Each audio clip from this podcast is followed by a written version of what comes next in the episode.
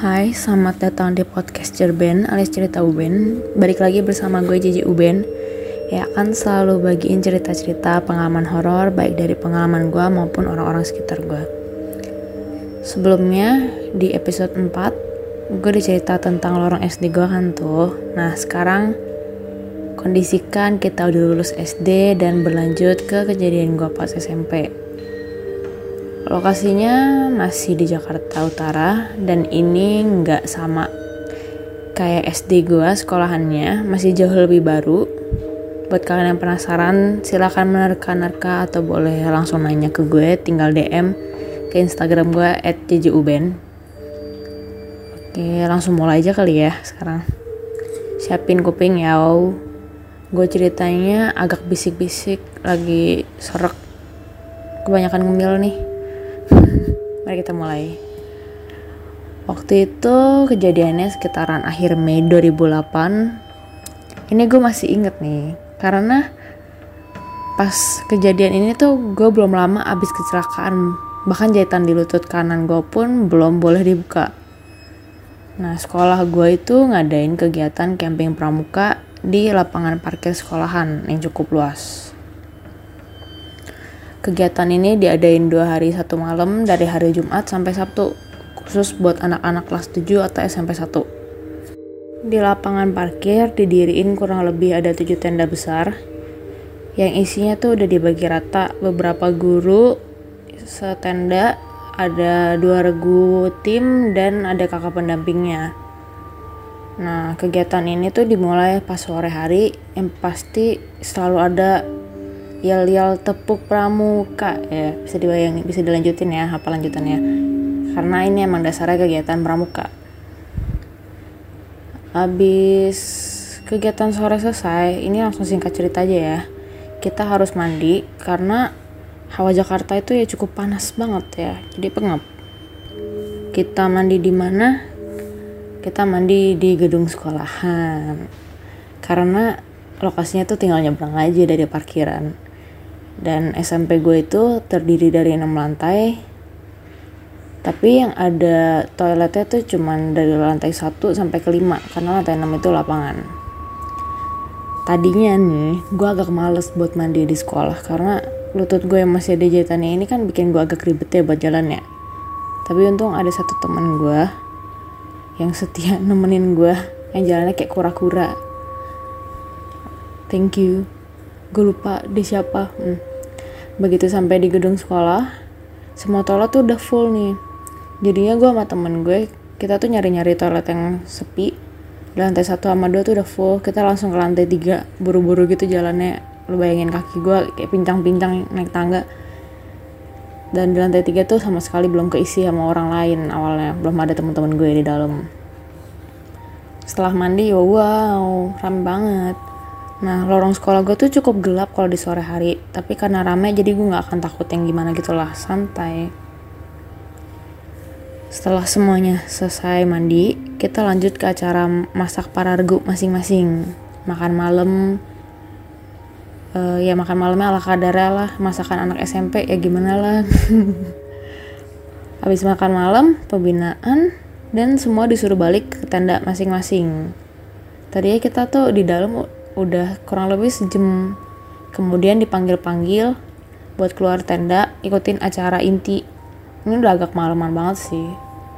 Kurang lebih ya jam 10-an gitu atau setengah 10 dan kita langsung ke acara inti yang, yang emang teman-teman gue juga pada tungguin yaitu jurit malam. Ya ini acaranya ada buat happy happyan doang. Oke pergu itu dibagi jadi lima orang buat jurit malam ya. Dibagi lagi jadi lima orang lima orang. Anggapannya sebenarnya satu regu itu ada 10 orang tapi dibagi karena mau acara jurit malam jadi lima lima acara jurit malam ini pun diadainnya tuh di gedung sekolah sebenarnya. Jadi kita ngantri dari parkiran buat masuk ke dalam gedung. Nah pergu udah mulai kan tadi kebagi. Per grup lah lebih gampang nyebutnya mulai masuk satu grup satu grup ke dalam gedung sekolah. Nah gue ya agak deg-deg sih karena ya deg-degan juga walaupun jurit malam buatan anak orang ya. Gue sama temen gue yang ngobrol-ngobrol sambil nunggu giliran. Terus yang grup pertama masuk kedua masuk gak lama ada suara teriakan tipikal ya orang ketakutan kayak ah gitu heboh-hebohnya lah ya yang kita kita yang dengar dari luar pun yang nunggu ya jadi agak heboh. Karena nggak kebayang ada setan apa aja setan buatan apa aja di dalam kan. Nah selama ngantri itu jujur jadinya dari dak dikduk gue nggak sabar buat masuk.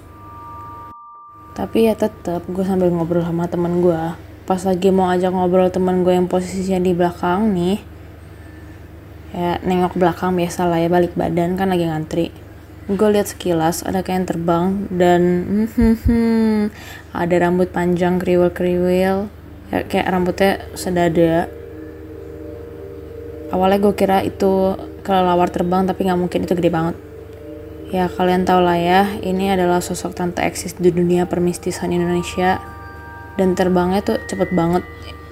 Yang dari posisinya tuh dari lapangan parkir menuju ke belakang lapangan parkir yang dulu tuh masih jadi lahan kosong. Tapi cukup banyak tanaman liar juga sih di sana kayak ada pohon mungkin dan belum ada pembangunan sama sekali. Gue yang lihat sekilas itu langsung balik badan dong.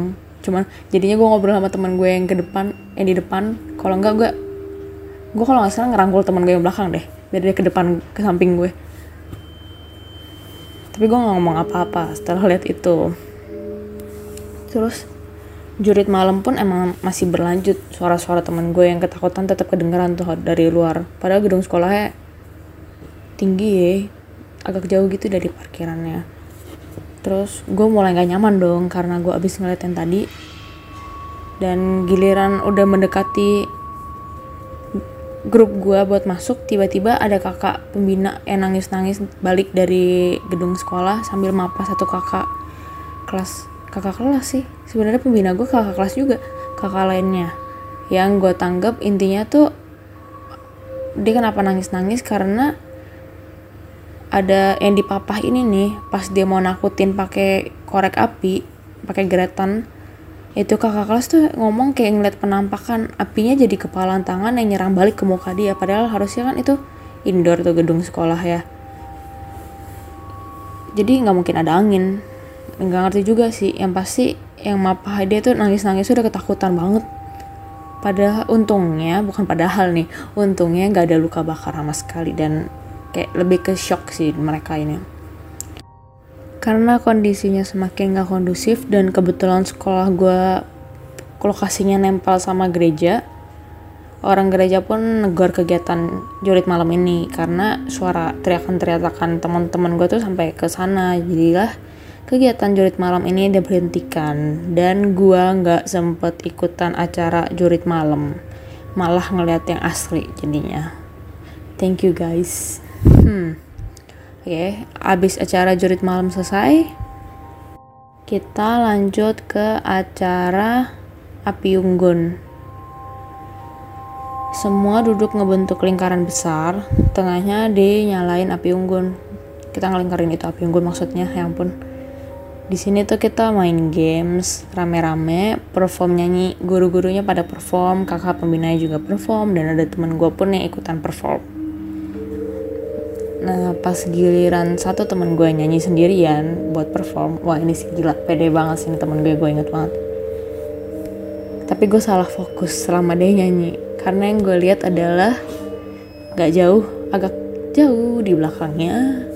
Posisinya tuh agak serong ke kiri, kalau di teman gue tuh berdiri di seberang gue, tapi ini gue fokusnya ke serong kirinya dia. Kurang lebih ada kali 5 meter. Di belakangnya, ada cewek baju bombrong putih yang agak kotor berbercak berbercak gitu lah tapi coklat coklat bukan merah. Rambutnya kriwel kriwel terus lehernya kayak agak sengklek ke satu arah kayak ke kanan. Dia tuh kayak ngawasin kita yang lagi nikmatin momen api unggun tadi gue mau diem aja tapi gue nggak tahan. Jadinya gue nanya ke teman sebelah gue eh lihat gak di sana? Sambil nunjuk pakai dagu. Biar teman-teman yang lain juga nggak notice gimana gitu kan. Dan teman gue jawab yang di daerah sana tadi J. Yes dan teman gue tahu maksud gue apaan. At least dia tahu maksud gue. Ya terus dia jawab iya aku juga lihat dari tadi J. Dia ngeliatin ke arah kita kita. Kan ngeri juga ya. Tapi emang kebetulan teman gue yang gue tanya ini emang cukup sensitif dan emang bisa lihat-lihat kayak gituan. Berarti apa yang gue lihat tuh nggak salah.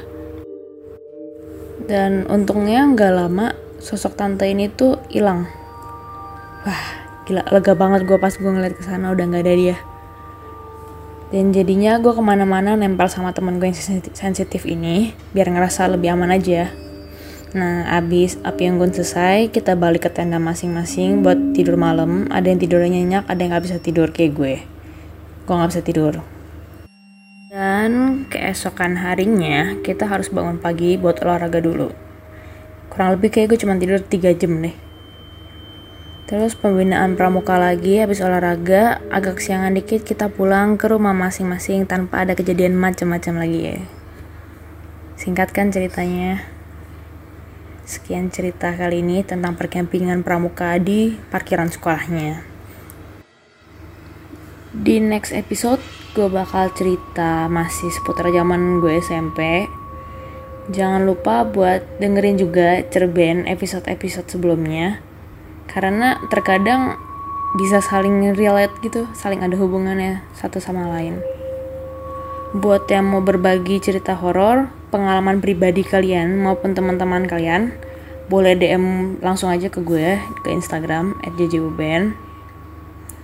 Biar terserah sih mau kalian ceritain secara tulisan atau voice note. Gue happy dengan dua-duanya. Dan sekian. Jangan sampai ketinggalan episode berikutnya yo. See you. Salam JJ Uben. Bye.